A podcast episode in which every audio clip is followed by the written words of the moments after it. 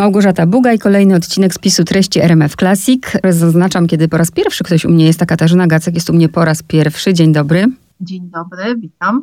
Pisarka, scenarzystka z wykształcenia psycholożka i napisane tu mam pięknie mistrzyni Cozy Crime. I od tego zacznę, bo tych podgatunków, typów powieści e, jest bardzo dużo, więc gdyby ktoś znalazł się taki w naszej czasoprzestrzeni, kto pierwszy raz usłyszy Cozy Crime, to wyjaśnijmy mu. Tak, zróbmy to, ponieważ to nie jest e, E, to jest taki rodzaj kryminału, który ma nam sprawić wyłącznie frajdę, a nie nas przestraszać, ani robić nam nic przykrego. No to jest od tego słowa cozy mm, angielskiego, które oznacza, że coś jest miłe, przytulne i nas tak y, robi nam dobrze. Więc kryminały, te cozy crime y, są książkami, które mają nam sprawiać frajdę, mają nas przytulać i mają być miłe, a nie nas y, przestraszać. Czyli spokojnie możemy polecić y, pani najnowszą książkę Gra pozorów y, tuż przed snem do łóżeczka, bo nie znajdzie tu czytelnik żadnych scen przemocy, żadnych naturalistycznych i nie ma się czego bać. Nie ma się czego bać. To znaczy, ja bym nie polecała do łóżeczka, ponieważ jest takie niebezpieczeństwo, że nici ze spania. Dlatego, że już wiem, i ja nie czytałam tej książki, tylko ją pisałam, ale wiem, że wiele osób, które ją czytało, reaguje tak, że siada, czyta i musi doczytać do końca. Więc jest takie niebezpieczeństwo, że, że wciągnie za bardzo. Tego typu książki, w ogóle kryminały, jak czytam, thrillery psychologiczne, to rzeczywiście czytam je na raz. I tak było też z tą książką. Przed, od razu też zaznaczam, że nie czytałam pierwszej książki e, z tej serii, czyli nie czytałam Psa Ogrodnika, czytałam Grę Pozorów i spokojnie mogę też powiedzieć tym, którzy nie czytali Psa Ogrodnika, że te książki można czytać niezależnie. E, tak, to znaczy ja włożyłam dużo e, pracy i wysiłku w to, żeby druga część była w jakimś sensie niezależna, żeby wprowadzić tam to wszystko, co się działo y, w pierwszej części w taki niezbyt dydaktyczny sposób, y, ale żeby czytelnik biorąc drugą część, nie czytając pierwszej, nie czuł się zagubiony. Wprowadzam te postaci, które są już bohaterkami pierwszej części, tak żebyśmy mogli się od razu z nimi zakolegować, zrozumieć, kim oni są, kim one są, bo właściwie to jest głównie książka o kobietach, jakie są ich relacje i dlaczego są w tym miejscu y, życiowym, w jakim się znalazły.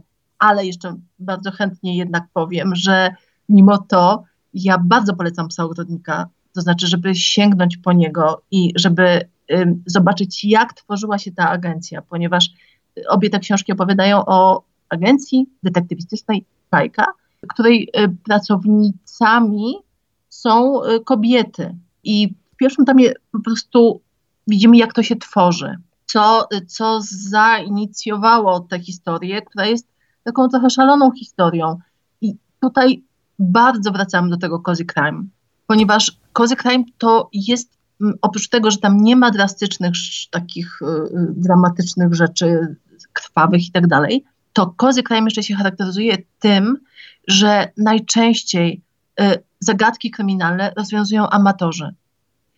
I tutaj te dziewczyny, które pracują w, niby w agencji detektywistycznej, one są y, żywcem amatorkami. Dlatego, dlatego jakby fajnie jest zobaczyć, y, skąd one się tam wzięły i skąd ta agencja y, w ogóle się wzięła w Milanówku y, w którym ta cała historia się odbywa.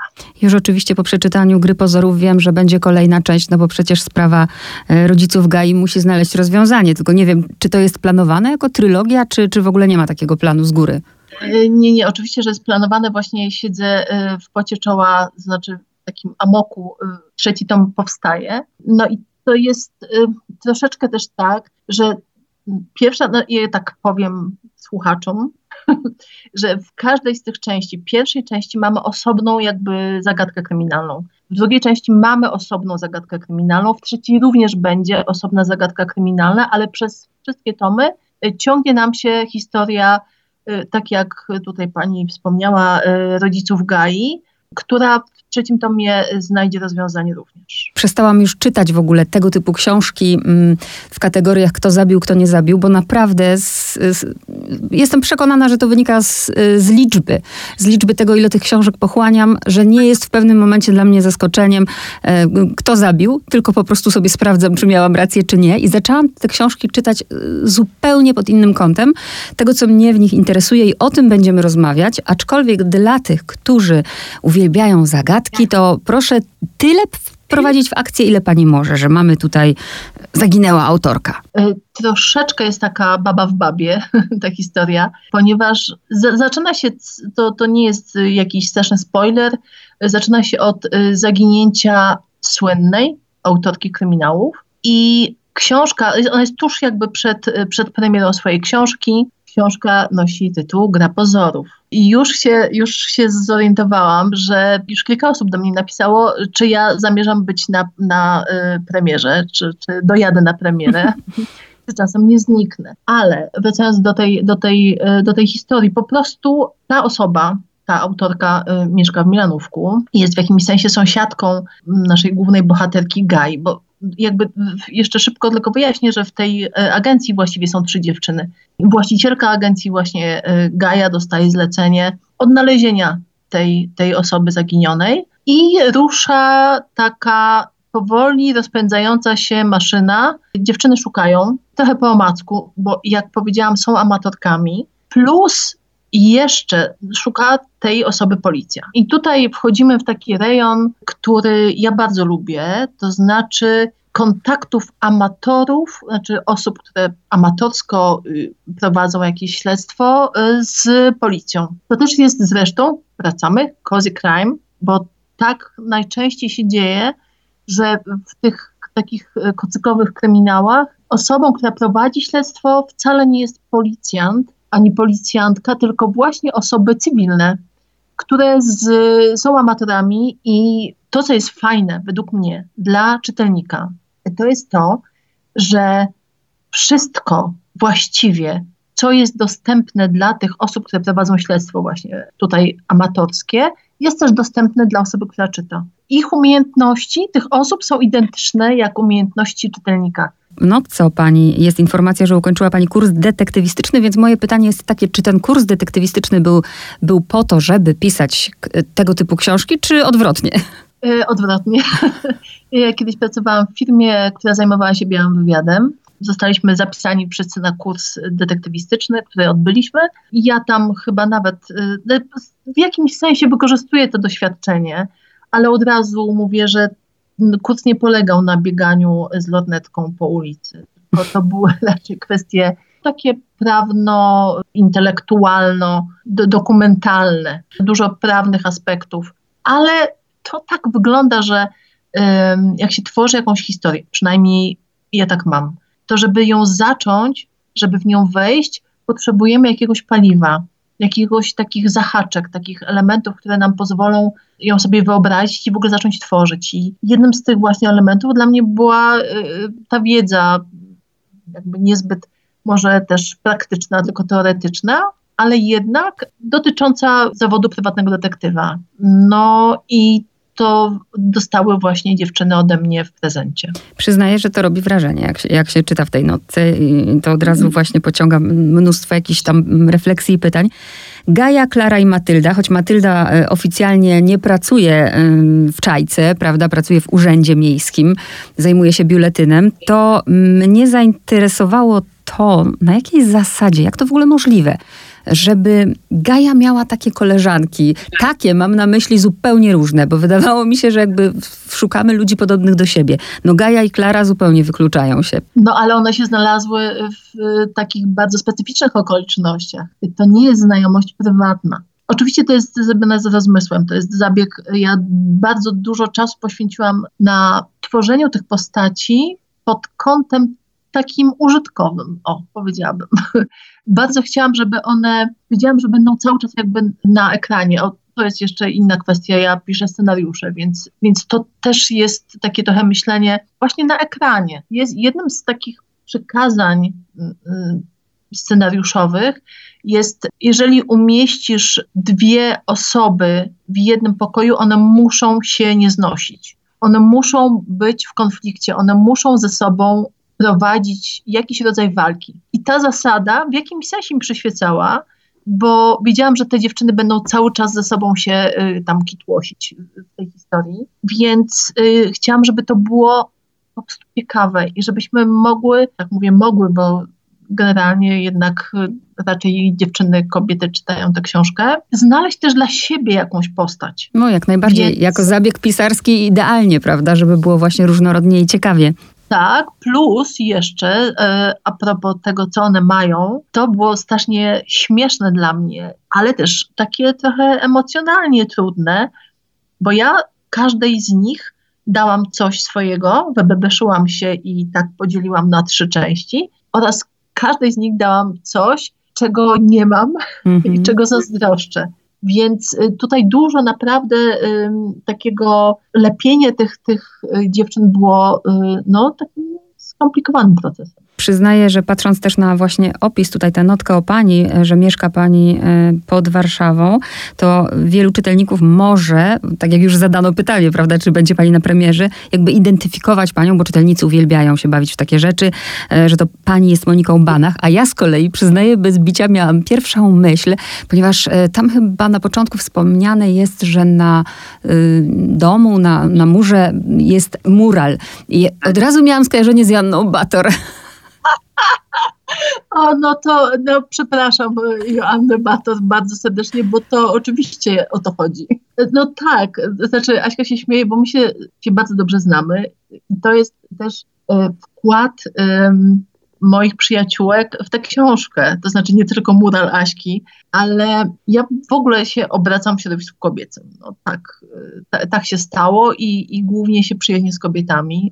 Będąc osobą samotną, to tak się właśnie toczy najczęściej. To teraz I... mogę pani zdradzić, pani Katarzyno, że teraz jak już pani powiedziała, że to oczywiście o to chodzi, to ja, tak mi siadła Joanna Bator, że do końca już y, właśnie Monika, y, Monika Banach miała jej twarz. O nie, naprawdę nie, nie chciałam jej zabijać w tej książce, bo już już nam się to zdarzyło, bo w poprzedniej książce, y, jednej z książek, y, jakby nie z tej serii, y, w Wujach Morderstwo, osoba, która ginie ma na imię Joanna, no i Joanna właśnie miała, no może nie pretensje, ale tak subtelnie zwróciła mi uwagę i zapytała skąd to imię. Weszła Pani na taki temat, taki, na taką płaszczyznę, która też tutaj bardzo ważna była dla mnie. Mamy, mamy taką grupę dziewczyn tutaj, bardzo blisko się trzymających i bardzo się wspierających. Więc gdzieś chciałam, żeby atmosfera takiego zaufania, takiej pewnej rodzinności też, tej trzeciej części, którą piszę, głównym hasłem jest rodzina. Chciałam doprowadzić do tego, żeby te trzy dziewczyny, bohaterki, zaczęły myśleć o sobie jako o rodzinie, ponieważ gdzieś to tutaj się u mnie wydarza. To nie jest żadna fantazja ani wyobraźnia, tylko po prostu Jesteśmy sobie bardzo bliskie, jest nas dużo więcej, bo w sumie 13, nawet mamy delegaturę na Zanzibarze. Ta atmosfera, której ja doświadczam, że takie y, bycie kobiet ze sobą, y, to jest coś wspaniałego i też dzięki temu są te dziewczyny, myślę. Bo nie szarpnęłabym się chyba na tworzenie grupy kobiet, y, nie wiedząc, jak funkcjonuje grupa kobiet. O. Przy okazji bardzo serdecznie, jak się spotkacie, proszę pozdrowić Annę Bator. Ja, tak jak mówię, dostała już twarz, cały czas miałam ją przed oczami, nawet z tym poukładaniem, a tam, gdzie jest moment, że prawda, Monika Banach ma te swoje rytuały, to czytając y, o rytuale mm, nie, nie, raczej drukowania tej powieści, nanoszenia poprawek, to myślałam o, o rytuale Janny Bator wkładaniu kimona, bo też o to ją kiedyś pytałam, pamiętam. Tak. Ach, to wspaniale. Ja, to, ja jestem w ogóle wzruszona, że, że tak do te, aż do tego doszło i że wiedziała Pani o tym. No nie chciałam, znaczy oczywiście nie chciałam, żeby, żeby myślała Pani, że zabijam Joannę, ale y, o, ups, no to troszkę nam spoiler tak wyszedł. Ale spokojnie, nie wiecie co, nie wiecie jak, nie wiecie, może z martwych wstała, więc tutaj się nie ma w ogóle czym przejmować. Ja jeszcze chciałam zapytać o. Otworzyła mi ta książka temat, który mnie bardzo interesuje, odkąd od, zajmuję się książką, odkąd rozmawiam z autorami. Ponieważ ja sobie ten świat y, świat pisarzy, pisarek zawsze wyobrażałam, no niezwykle go idealizowałam że wszyscy się, prawda, kochają, że wszyscy w ogóle żyją oddychają sztuką, a jednak tu przemyca pani e, te, ten brudny świat wydawniczy, ten, tę rywalizację między autorkami. Pojawia się tutaj młoda autorka, prawda, która wiadomo, że Monika Banach się jakby, no, zarobiła ogromne pieniądze dla, dla danego wydawnictwa i to cały ten mówiąc kolokwialnie, syf pani pokazuje. Myślę, że każde środowisko jest narażone na tego typu wkłady, podjazdy i takie przykre sytuacje. Do głowy też przychodzi mi teatr albo film, że artyzm y, jest oczywiście artyzmem, ale y, na końcu on ma być sprzedany. I nie piszemy do szuflady, tylko piszemy po to, żeby a podzielić się y, z czytelnikami swoją wizją, ale żeby się podzielić, to musimy tę książkę wydać, a żeby ją wydać, musi być ktoś, kto będzie chciał ją wydać, a to już jest y, przemysł po prostu. Więc y, bardzo z absolutnym rozmysłem weszłam w te y, takie y, ciemniejsze y, obszary, ale one są one tak jak pani powiedziała, one są prawdziwe. Oczywiście nikt się do tego nie przyzna, tak. E, ale, ale wydaje mi się, że na mniejszym lub większym poziomie to funkcjonuje. Tu jest przerysowane, Y, tu jest y, podkolorowane tak y, na czarno-biało właściwie, tu jest grubą kreską to, to pociągnięte, ale myślę, że nie jesteśmy od tego absolutnie wolni. To zadam Pani teraz osobiste pytanie. Czy czuje Pani jako pisarka właśnie cozy crime, że na przykład koleżanki, nie myślę teraz o Jannie Bator, którą uwielbiam, mhm. ale inne pisarki, mówią z taką nutą, mniej więcej tak jak policjant myśli o czajce, tak one mówią, a ty tam Kaśka piszesz cozy crime, to nie jest literatura. Hmm, tak, więc szczerze mówiąc, ja mam tak mało kontaktu z opiniami innych autorów, że nigdy się nie spotkałam z czymś takim. Prędzej e, słyszę to u mojego wewnętrznego krytyka, który jest bardzo taki rozbudowany i silny, i często mnie samej się zdarza myślenie o tym, a, a, a co ty tam piszesz, kozy kraj. To ja tak o sobie czasami myślę. Ale skąd to się bierze? Nie? Pytam psycholożkę.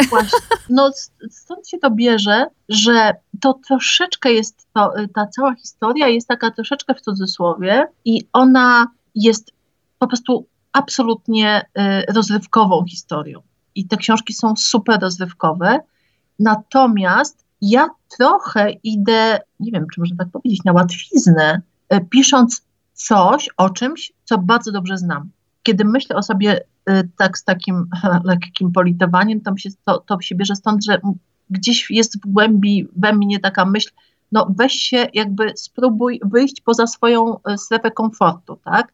Może trzeba po prostu spróbować napisać coś, co nie będzie ci przynosiło samej frajdy, bo dla mnie pisanie tych książek jest frajdą. Oprócz tego, że jest y, potem krwią i łzami też przy okazji, to zawsze pisanie jednak się z tym wiąże, to ja uwielbiam te historie, uwielbiam te, to miejsce, te, te dziewczyny. Wcześniej pisałam serię o też, no też Cozy Crime, nie da się ukryć, o pani weterynarz, która prowadziła śledztwa. Tych, ja się po prostu cudownie czuję w tych y, klimatach. Też dlatego, że no właśnie mieszkam pod Warszawą, mieszkam w małej miejscowości, więc mam z czego czerpać, a czerpię naprawdę y, łopatami y, ze swojego życia, z obserwacji, y, z historii, które się zdarzały i które się cały czas zdarzają.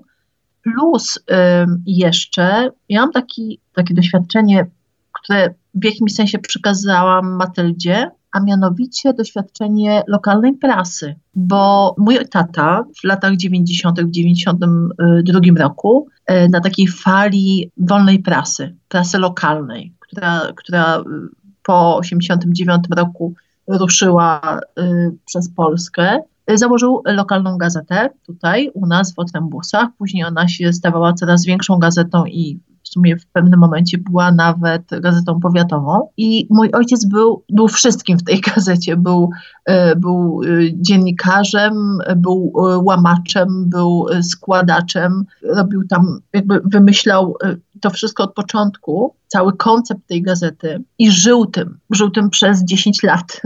I nasz dom też żył tymi lokalnymi sprawami.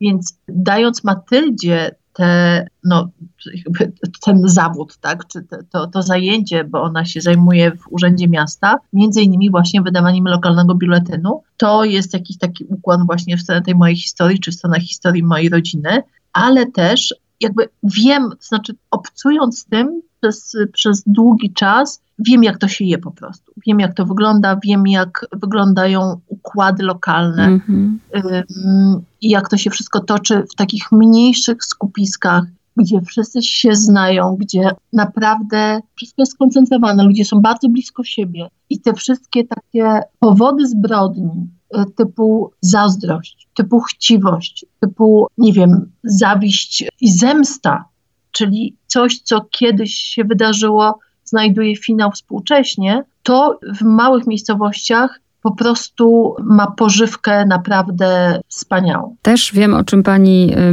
mówi i też y, załamywałam ręce nad Matyldą, bo zobaczyłam y, i pewnie nie jedna z nas zobaczyła siebie, czyli widzimy siebie jako właśnie odpowiadające, co o tym myślimy, jak chce nam się mniejsze biureczko wstawić, a jednak godzimy się na wszystko i po prostu zero asertywności. I stąd też pomyślałam problemy z nadwagą Matyldy, która pewnie podjada i zajada swoje stresy biedne. Tak, zdecydowanie E, to jest ta cecha, którą ma e, po mnie.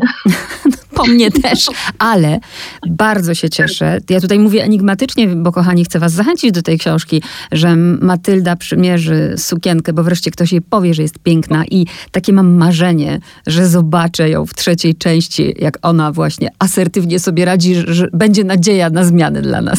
To, to jest zabieg trochę e, scenariuszowy, bo w filmach tak robimy, że mamy przemiany bohatera najczęściej. Tak. Y, no jest to podstawa w ogóle całej historii y, w filmie. I tu też y, się szarpnęłam na to i oczywiście też robię to przy pomocy dziewczyn, sobie taką, taką terapię malutką. I, i tak w ogóle chciałam powiedzieć, że ta, ten wątek, o którym nie możemy mówić wprost i za dużo, mhm. ale ten wątek właśnie Matyldy, właśnie tego wstydu i tego tego braku akceptacji siebie po prostu, braku akceptacji swojego ciała, no co tu dużo mówić, to jest moim ulubionym wątkiem w ogóle w tej książce. Jego rozwiązanie jest moim ulubionym rozwiązaniem i osoba, która go dokonuje, jest moją ulubioną postacią tej. A ja się uśmiechnęłam, jak otworzyłam stronę, bo od razu zwróciłam na to uwagę na dedykację, bo też nie lubię dekoltów. Naprawdę. Naprawdę. No to, no to tak, to, to piąteczka. Raczej golfy. Chciałam powiedzieć, że siedzę w golf. No, ja też. To mnie rozbawiło bardzo. Mm, dużo w ogóle miałam takich przemyśleń. Y, na przykład Ewelina, jedna z bohaterek, to pomyślałam o Karinie Caban, bo to Karina namówiła mnie i zachęciła do tego, żebym przeczytała tę książkę, bo ja podchodziłam jak do jeża, przyznaję. I to też Aha, jest właśnie no taka, tak. taka kolejna rzecz, y, która mi, tak jak pani powiedziała, że ten y, wewnętrzny krytyk pani podpowiada coś w głowie, to ja z kolei mam coś takiego, że sama za dużo od siebie wymagam. Mm, mhm. Oczywiście swoją miarą potem mierzę wszystkich, a przecież ludzie potrzebują relaksu, potrzebują odpoczynku, mają dosyć problemów na co dzień i takie książki też są bardzo potrzebne i chcę, żeby pani wiedziała, że ja zauważam takie rzeczy, że pani to przemyca w bardzo delikatny sposób. Tam są może dwa, trzy zdania, ale jednak ja to widzę, że na przykład pisze pani tam zdanie o depresji, o twarzach depresji. Porusza pani w tej książce bardzo, bardzo ważne, aktualne, współczesne tematy, chociaż robi to w kilku zdaniach, to ja to widzę. Dziękuję. Gdzieś jest we mnie też potrzeba mówienia o tym, co się dzieje aktualnie, tak, ale nie chcę tym przytłaczać. Te problemy, one się rozwiązują w większości i możemy mieć takie, takie poczucie, że, że będzie ok. I po to jest też ta literatura, to, to Cozy Crime, wracając po raz kolejny, żeby dawała frajdę, e, abstrahując od mojego krytyka i tego, że być może kiedyś go posłucham i napiszę jakiś policyjny kryminał poważny, ale mam też świadomość tego, że czasy są jakie są. Jakby nie polepsza się specjalnie. Potrzebujemy takich, takich ciepłych historii, tak. bo y, oprócz tego, że to jest kryminał, to, to, to jest bardzo obyczajowa też książka. Mam taką miałam y, też intencję, żeby prywatne życie tych dziewczyn było istotne. E, I te dziewczyny naprawdę, mam nadzieję, dają nadzieję. To, jak sobie radzą z problemami i to też, jak sobie pomagają w tym. I jak zwracają sobie uwagę na pewne rzeczy. One są tak różne, że dzięki temu mogą na sobie, znaczy każda ma deficyty w innej sferze, a ta pozostała dwójka tę sferę akurat najczęściej ma w porządku. W związku z tym łatwo jest e, uzupełniać te fragmenty, łatwo jest sobie pomagać, łatwo jest no, prowadzić się. One tak w pewnym momencie po prostu razem turlają się przez życie i, i tak bym chciała, żeby to wyglądało, nie wiem, w moim życiu czy w życiu innych kobiet, żeby nie były same, żeby się nie turlały same, o, tak bym powiedziała.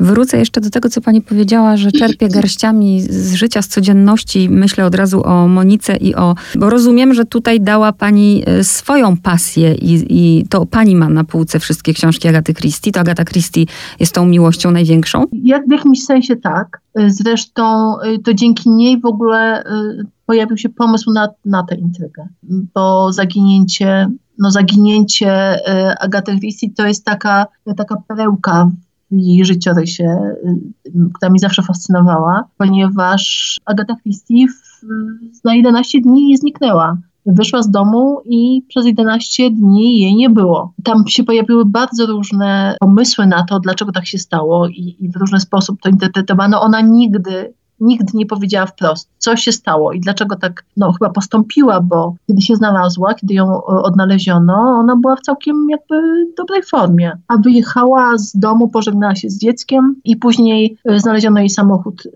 gdzieś tam na jakimś klifie i szukała jej cała Anglia. Naprawdę, to, to ona już miała na koncie chyba pięć czy sześć powieści, już była dosyć znaną autorką, a po prostu przepadła. I szukało, nie wiem, tam 15 tysięcy ludzi, przy, oni przeczesywali tam ten, te rejony, gdzie, gdzie, gdzie znaleziono samochód.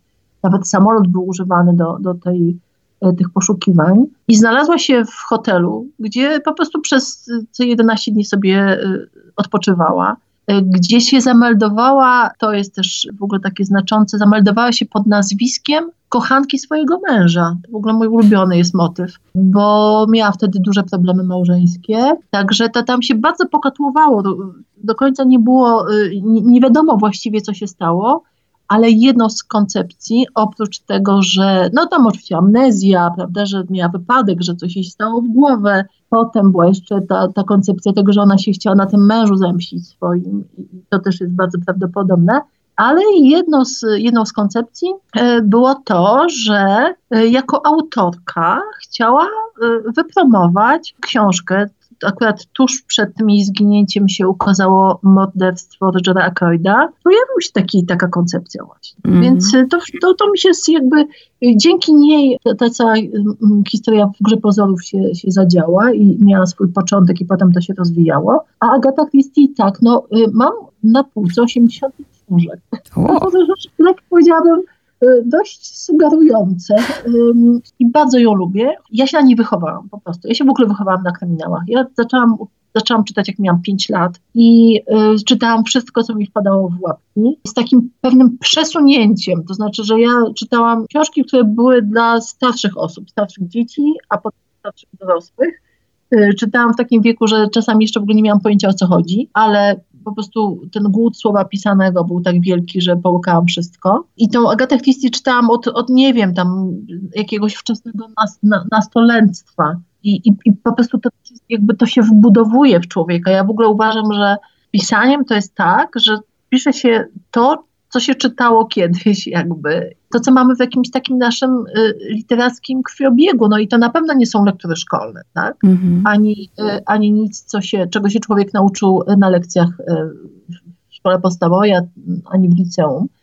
Tylko gdzieś mam takie poczucie, że, że lektury nasze z młodości, później dalsze, kształtują nasz sposób myślenia o pisaniu, nasze pisanie, nasz styl więc jakby ta myśl o tym, żeby być, żeby pisać tak jak Agata Christie, gdzie zawsze tam się w głowie pojawiała, ona jest w moim y, wydaniu przemieszana trochę niestety z Chmielewską. W jakimś sensie po prostu y, one stały obok siebie na półce, tak? Chmielewska zajmowała mnie miejsca i, i to potem gdzieś wychodzi, także y, Christie absolutnie tak i myślę, że współcześnie, ja strasznie się cieszę, bo widzę, że ta nowa, w tej chwili y, y, chyba wydawnictwo Dolnośląskie wydaje taką serię wspaniałą. Książek Agat Christie, przepięknie wydane to jest. I ludzie to czytają, to jest coś, przecież te książki były pisane no naprawdę niektóre 100 lat temu, a one się wspaniale sprawdzają, bo mają w sobie coś, co jest w tym relaksie dla nas. Jakby ta literatura, która służy jako relaks, to jest idealne, ponieważ wciąga ponieważ daje nam możliwość jakby rozwiązywania tych zagadek razem z, z autorem, a jednocześnie jest po prostu fajnie napisane. To jest prosty dosyć język, ale bardzo miło się to czyta, więc bardzo się cieszę, że, że jest ciągle czytany i ciągle słyszę zachwyty i ciągle jest też ekranizowane, co, co jest bardzo fajne. I dobrą robotę pani dla Agaty Christie zrobiła. Ja się uśmiechnęłam, kiedy na początku, udzielając wywiadu, Monika Banach mówi, tak, tak, słyszałam, y, on to jest moja ulubiona autorka, słyszałam, że trąci myszką, ale ja się tak uśmiechnęłam, bo ja pamiętam, jak ja w podstawówce też od Christie zaczynałam. Potem dopiero zaczęła się fascynacja u mnie, więc poszłam w inną stronę Stephenem Kingiem. Ale tym starym Aha, Stephenem no, Kingiem, nie tym, tak, tak. nie tym sprzed dziesięciu nawet lat, tylko tym naprawdę tymi pierwszymi jego y, książkami. Też dziękuję za ten wywiad na początku, bo to jest dobra e, od razu nawet i dla studentów dziennikarstwa, i dla uczniów kółek dziennikarskich dobra nauka na robienie wywiadu i zapisywanie go, więc za to też dziękuję, bo zwróciłam uwagę na to. I jeszcze te dialogi, no bo thrillery psychologiczne często budowane są właśnie wokół tego, co się dzieje w głowie bohatera, wokół opisów. Pani mocną stroną, teraz to już też rozumiem, dlaczego scenariusze są właśnie dialogi. Tak, no, bo to nie jest thriller psychologiczny.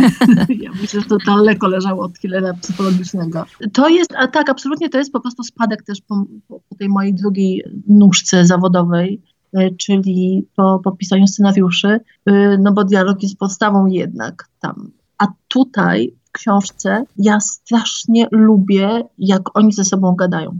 Po prostu, a już najbardziej lubię, jak ze sobą e, gada, e, gadają e, Gaja z Lewinem. No to po prostu, jak ja zaczynam pisać ich razem, to naprawdę to jest moje, to jest relaks i w ogóle frajdę mam straszną. Myślę, że oni też mają frajdę, jak gadają ze sobą, ale że oprócz tego, że się o nie zabijają oczywiście. I, I tak, ja mam jakieś ucho do tego, wydaje mi się. Te dialogi są też zasada, przepraszam, zasada kolejna pisania scenariuszy jest taka. Dialog posuwa akcję do przodu. Koniec, kropka.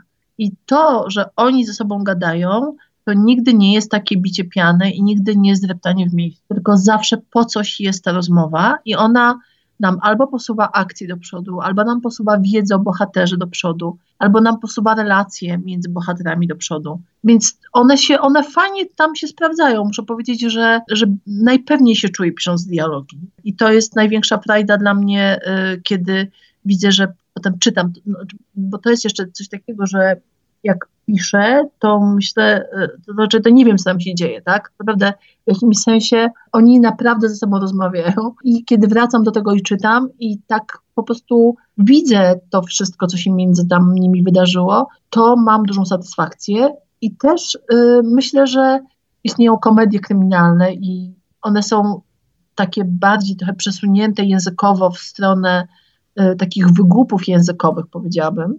Ja, ja na to się nie decydowałam, natomiast staram się, żeby tam był humor w tej książce. Nie tylko jakby atmosfera, żeby była ciepła, ale żeby było też dosyć śmiesznie. I ten humor najczęściej właśnie pojawia się w dialogach i najłatwiej mi jest osiągnąć e, w rozmowie e, bohaterów. Jest jeden moment, w którym się roześmiałam głośno, e, powiem który. I to, to się pani udało sprytnie, bo w sytuacji, która wydawałaby się w ogóle straszna, zaczynam się śmiać, kiedy Monika rzuca słowa sukienki, to niech sobie wysyła do, do Kasi Bondy. I zastanawiałam się, no dobra, Monika Banach za Bondą nie przepada, ale jak z Katarzyną Gacek? W ogóle ten pomysł, tym też nie możemy za dużo mówić, ale e, ten pomysł strojów, ja naprawdę widziałam y, Katarzynę Bondę, która dostaje taką sukienkę. Jakoś ona dla mnie była też taką osobą, która mogłaby mieć psychofana, tak? Mm. Bo jest y, wspaniała, jest piękna i może budzić takie różne emocje. A sukienki ma fantastyczne. E, a, a sukienki ma fantastyczne, więc jak już y, zaczęłam się zastanawiać, co można szyć y, dla kobiety, no więc oprócz spódnic i bluzek oczywiście pojawiły się sukienki, no to jest pierwsze skojarzenie. Dlatego i też e, zrobiłam to absolutnie z rozmysłem i zacierałam rączki pisząc to zdanie, bo, e, bo naprawdę wizja tego, że, że, że Katarzyna Bonda dostaje w paczce sukienkę od fana, bardzo mnie, bardzo mnie rozbawiła. To jeszcze żartobliwe pytanie, aczkolwiek może nie żartobliwe, może poważne, bo też mnie zaciekawiło, czy to pani doświadczenia osobiste posiadanie małego labradora? Bóg mnie strzegł przed małym labradorem.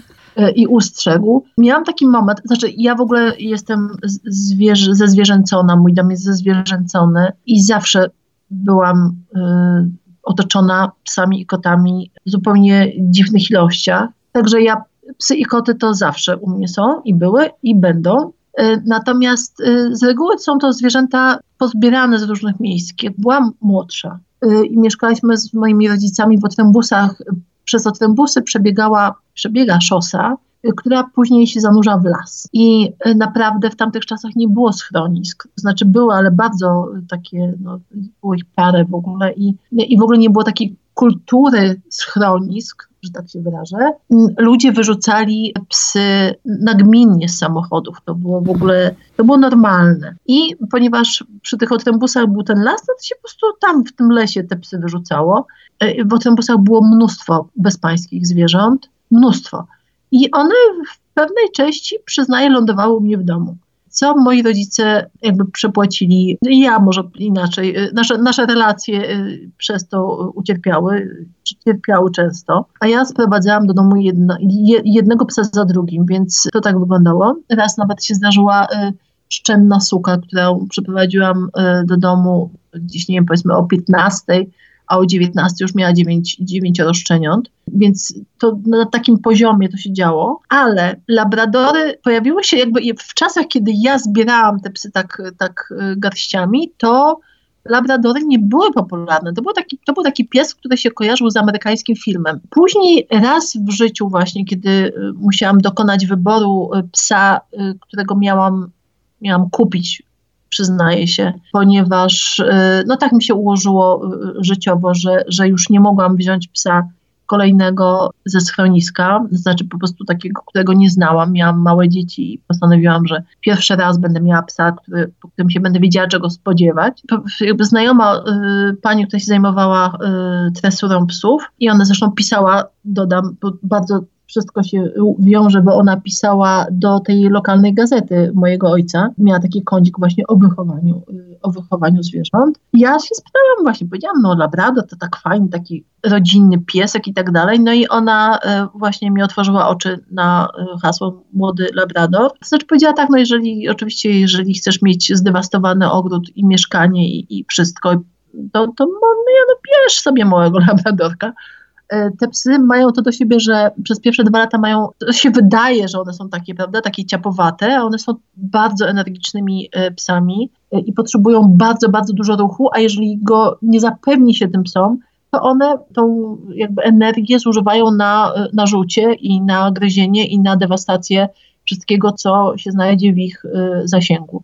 Więc to była moja wiedza o małych labradorach. No nie, jakby nie z, z życia, ale trochę z życia, bo ta osoba wydaje mi się wiedziała, co mówi. Y, I to pewnie na tyle zostało, że mały labrador tu się pojawił, ale też chyba nie ma nic y, słodszego, no może mały spaniel, albo może mały jamniczek niż właśnie szczeniak labradora, a chodziło, a on ma przecież swoje zadanie, tak? On jest tam po coś i jednym z jego, y, właśnie to jego zadanie polega na y, wzbudzaniu emocji, więc przyznaję, że mały labrador nadawał się do tego najlepiej. Świetny. W ogóle jak tak teraz rozmawiamy, to otwiera mi się milion szufladek, bo przecież można by kolejną godzinę rozmawiać chociażby o, tym temacie, który pani tu otworzyła, czyli e, rodzice, relacja z Klarą, rodzice małomiasteczkowe myślenie, stereotypy, no, no mnóstwo tematów. To jeszcze o, tak. o, tytuł jeszcze zapytam na koniec, bo to jest zawsze ciekawe, czy u różnych aut... o tytuł i rytuały. Rytuały Katarzyny Gacek. To znaczy mam, ale nie wiem, czy się mogę do nich przyznać.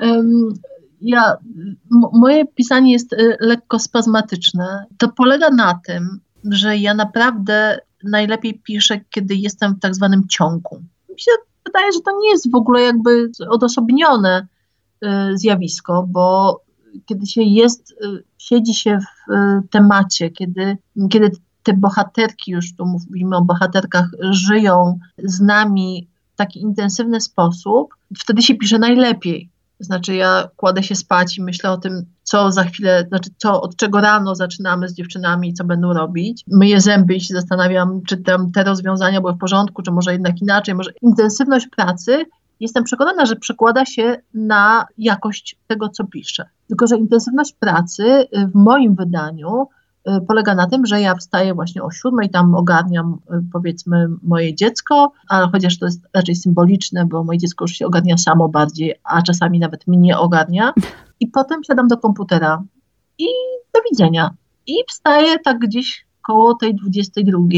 Więc y, jeżeli można mówić, że to jest rytuał, to to jest fatalny rytuał, tak? Bo mam taką, jedna z moich przyjaciółek bardzo mnie motywuje do ruchu. I jak nie, kiedy nie piszę, to jej to nawet wychodzi i mnie to wychodzi, ale kiedy piszę, to y, ja na przykład teraz mam oj, oj, mam 20, 2400 kroków dziś, to znaczy to jest bardzo dużo, bo ja biegałam dzisiaj, bo byłam w dwóch miejscach, ale zdarzają mi się takie dni, kiedy mam 800-900 kroków, to jest wstyd i nie powinnam tego mówić na antenie, ale, no ale to jest mój rytuał, czyli że po prostu jestem y, przybijam się do tego komputera i już znikam. I właściwie poza tym y, nie, ani nie okadzam przestrzeni, y, ani, y, ani nie robię sobie jakichś specjalnych, nie wiem, kąpieli, które mają mnie natchnąć, oczyścić mój umysł oraz ciało. Ja po prostu zasuwam tak jak i, w dodatku się rozpędzam, bo im bliżej mety, to już jestem jakby głębiej w historii, bliżej z bohaterami, więc to już po prostu to jest taka równia pochyła i do końca dzieją się rzeczy takie, takie naprawdę już smutne, że sypiam po, nie wiem, po, po 5 godzin, albo, albo budzę się rano o 5 i siadam do pisania, bo nagle coś mi przyszło do głowy. No to tak wygląda, z żalem. Dużo też współczucia mam, bo jako osoba, która też non-stop siedzi i czyta, obrabia dźwięki, to wyobrażam sobie, e, że bardzo podobnie pani wstaje do mnie, jak sobie przysiądziemy jakąś nogę albo coś tam. Tak, tak, no nie, to jest, to jest no nie, no wiemy, tak, no wiemy, że to naprawdę... Jest ból fizyczny tak, ale też pomyślałam sobie, że jakby z drugiej strony moja konstrukcja psychiczna temu sprzyja. Znaczy, jak gdzieś w tym w ogóle jeszcze odnajduję jakąś taką, taki rodzaj takiej masochistycznej frajdy, że tak powiem. Po pierwsze, myślę sobie, o jejku, powstaje coś, a po drugie, nigdzie mnie nie ciągnie. No, szczerze, gdybym nie mogła usiedzieć y, na tyłku i, i, chciała biegać, to te książki by nie powstawały w takim czasie, tylko w dużo dłuższym. I te scenariusze by też nie powstawały w takim czasie, tylko dużo dłuższym. No i wtedy co by się stało właśnie? Nie wiem. Ostatnie pytanie pani Katarzyno jest takie, takie trochę przewrotne i zadaje je nie tylko pisarce, ale też psycholożce. Czy w ogóle jest możliwy ten świat bez gry pozorów? A nie, nie, to nie. Myślę, że nie. Myślę, że nie jest możliwe. Myślę, że czasy, które mamy teraz, zmiana życia, y, tutaj się przechodzi bardziej w obraz, tak? przechodzi w, w kontakty bardzo powierzchowne i też y, internetowe, no to jest pożywka dla, dla gry pozorów i myślę, że bardzo dużo osób ją uprawia. Mam wrażenie, chciałam też to jakoś tak włożyć w ten tekst, że to się nie do końca opłaca, ale no nie uciekniemy od tego, myślę na pewno. Katarzyna Gacek w spisie treści, bardzo dziękuję za rozmowę. Bardzo dziękuję, bardzo mi było miło i pozdrawiam serdecznie mam nadzieję, że jesteście Państwo ciekawi tego, co tam się na, nadziało w tej książce.